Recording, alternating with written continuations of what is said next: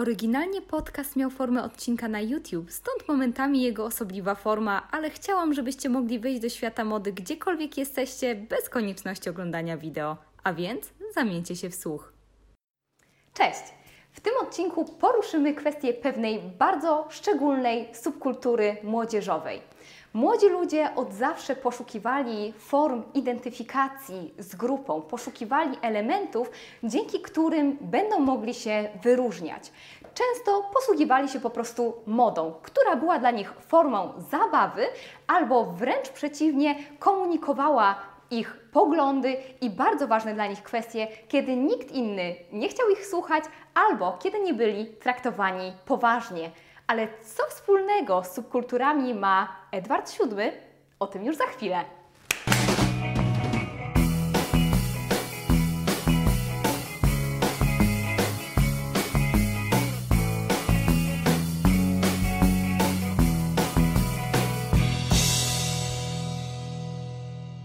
Jak miałam okazję wspomnieć w pierwszym odcinku z cyklu Freakery, kiedy mówiłam o Harper's Bazaar, lata 50. były tym momentem w historii, kiedy nastolatkowie stali się bardzo ważnym głosem w społeczeństwie. E, częstokroć posługiwali się modą, żeby zamanifestować przynależność do danej grupy społecznej i też tworzyli własne subkultury. Po drugiej stronie Atlantyku byli to hipsterzy. Nie mylcie tego ze współczesnymi hipsterami, chociaż na pewno poświęcimy im również odcinek w przyszłości. Zaś w Wielkiej Brytanii była to pierwsza brytyjska subkultura, tak zwani Teddy Boys. Musimy teraz powiedzieć sobie, że okres powojenny w wielu krajach był czasem równie trudnym jak ostatnie lata wojny. Co prawda był to czas spokoju, ale pamiętajmy o tym, że sytuacja finansowa wielu rodzin była cały czas bardzo trudna. Młodzi ludzie, którzy urodzili się w czasach wojny, y, poznali, co to znaczy na przykład racjonowanie żywności, jak wygląda zniszczone przez bomby miasto, zapragnęli w pewnym momencie odrobiny nonszalancji, zabawy, chcieli poczuć się tak jak ich rodzice przed wojną, czyli poświęcić się zabawie i temu, co sprawia im radość. Teddy Boys nawiązywali w swoim stylu do luksusowej mody okresu edwardiańskiego, do dandysów. Stąd też nazwa Teddy Boys. Skąd Edward pieszczotliwie Teddy albo Ted. I właśnie sami Teddy Boys nazywali siebie Tedsami. Jedyną różnicą, jeśli chodzi o ich podejście do mody i to, jak wyglądali, było to, że mieszali modę ówczesnego okresu, czyli ery edwardiańskiej, wpływami amerykańskiego rock'n'rolla. I musimy pamiętać, że rock'n'roll w latach 50. rozbujał nie tylko biodra, ale również umysły młodych ludzi, wpływając na ich kreatywność i odwagę w wyrażaniu swoich poglądów. Teddy Boys wyrośli z klasy robotniczej, często z niezbyt zamożnych rodzin. Tak jak wspomniałam, chcąc przeznaczyć pierwsze zarobione pieniądze na luksusy, na zbytki, na ubrania, świadomie kreując swój wizerunek.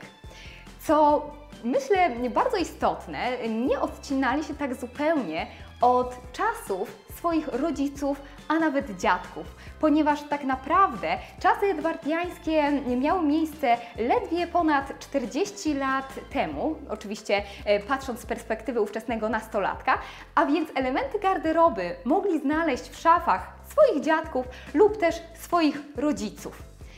Za początek okresu Teddy Boy, za moment powstania uważa się sam początek lat 50. Oczywiście nie ma dokładnie sprecyzowanego momentu, nie ma dokładnego roku, ale podejrzewa się, że nastąpiło to w okolicach roku 1951.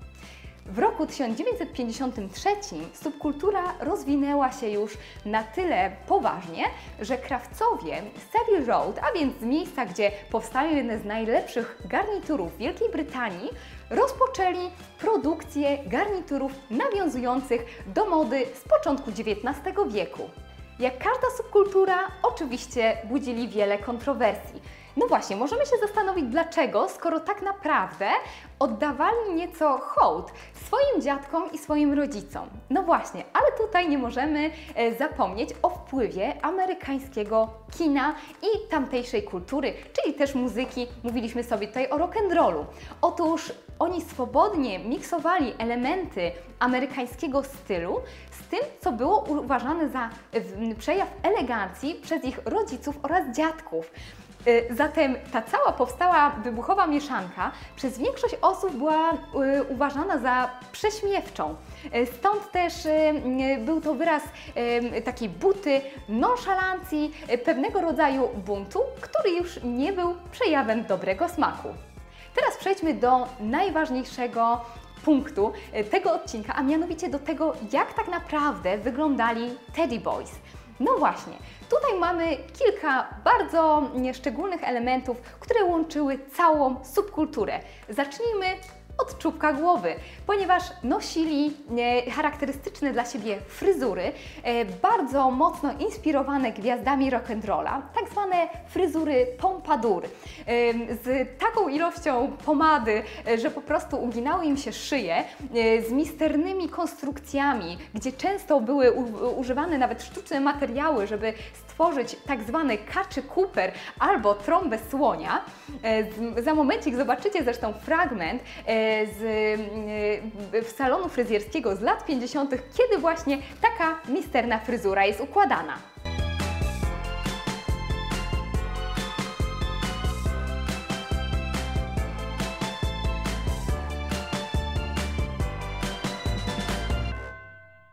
Młodzi ludzie wówczas traktowali młodość i nonszalancję jako swój emblemat, więc na przykład wyciągali marynarki z szaf swoich dziadków, ale zupełnie je przerabiali. W jaki sposób? Zacznijmy od góry, czyli od szyi. Czyli tak, tutaj mieli na przykład wykonane z aksamitu e, wykończenie, e, czyli kołnierz. Idziemy dalej. Klapy były bardzo szerokie, watowane ramiona były wręcz przekomiczne, ponieważ y, byli bardzo szerocy w barkach. Y, wykończenie kieszeni też było charakterystyczne, często wykończone aksamitem. Kieszenie były bardzo duże, zaś sama marynarka e, sięgała niemal do połowy uda. E, więc same marynarki też były nawet nazywane drapes. E, też mówi się, że bardzo duży wpływ na mm, tego typu odzież miała moda karaibska. Czyli mm, tutaj nawet mówiło się, że było takie mm, określenie zut, suit, właśnie używane przez, przez osoby z Karaibów i właśnie one posługiwały się również tego typu marynarkami.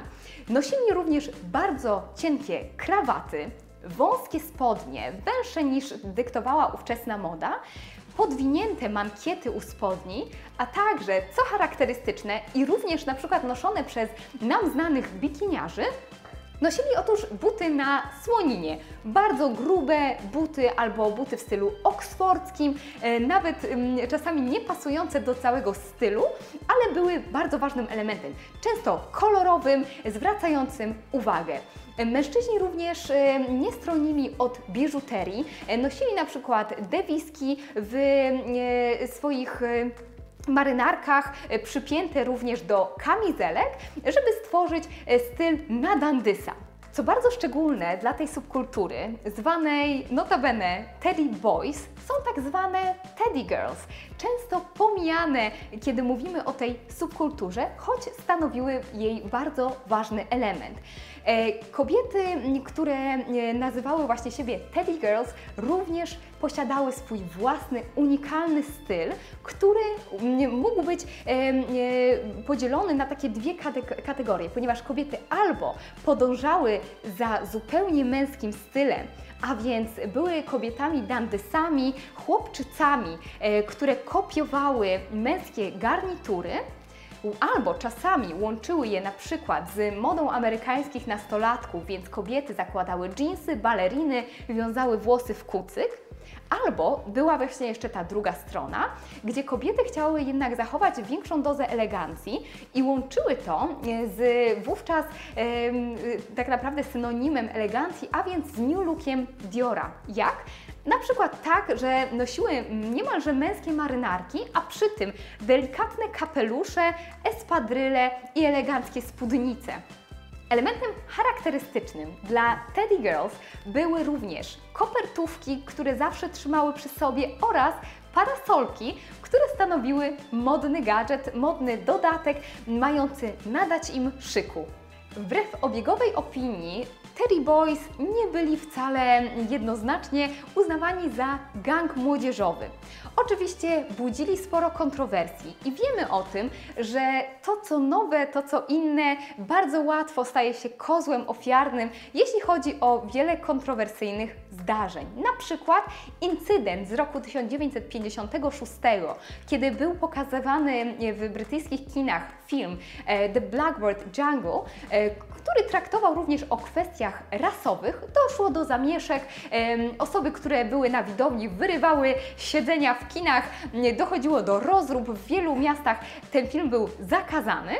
Oraz dwa lata później, w roku 1958, doszło do zamieszek w Notting Hill, e, gdzie bardzo wiele młodych osób wdało się w sprzeczki z mniejszością karaibską i tam też było widzianych wielu Teddy Boys. Oczywiście media e, rozmuchały bardzo e, te sprawy, przypisując bardzo wiele e, aktów wandalizmu i przemocy właśnie Teddy Boysom. Powstawały również szmirowate książki, gdzie Teddy Boys byli synonimem tego złego, złego bohatera, osoby kontrowersyjnej, skłóconej z życiem, mającej trochę na bakier z prawem. Można by sądzić, że subkultura Wielkiej Brytanii, która była jako pierwszą, e, która zdefiniowała samodzielnie swój styl, e, powinna już widzieć swój schyłek w latach 50., ale nic bardziej mylnego. Co prawda w latach 60. Teddy Boys ewoluowali w subkultury moców oraz rockersów, ale lata 70. były tak zwaną drugą falą Teddy Boys, gdzie mm, było to nieco bardziej powiązane z subkulturą punków. Wszystko dzięki Vivienne Westwood i Malcolmowi McLarenowi i ich butikowi Let It Rock, gdzie właśnie tam e, było czyste nawiązanie do mody, mody Teddy Boys. E, później w latach 80. E, również styl New Romantic nawiązywał nieco do ich stylu, więc wciąż te wpływy są gdzieś widoczne.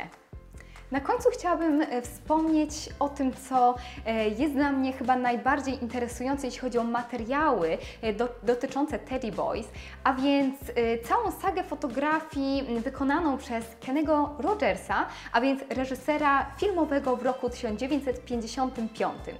Zdjęcia, które teraz oglądacie, mm, przez wiele lat leżały w zapomnieniu, e, a więc nie było szansy poznania e, subkultury Teddy Boys, ale też Teddy Girls. Co jest dla mnie niezwykle fascynujące, to właśnie kontrast pomiędzy młodymi ludźmi e, ubranymi w luksusowe ubrania, roześmianymi, palącymi papierosy, tańczącymi, gdzie dookoła jest tak naprawdę gruzowisko po tym, jak na ich miasta spadały bomby. Czyli mamy tutaj wspaniały kontrast pomiędzy tym, że młodzi ludzie patrzyli już z optymizmem w przyszłość, gdzie jeszcze tak naprawdę przebywali w bardzo trudnych latach powojennych.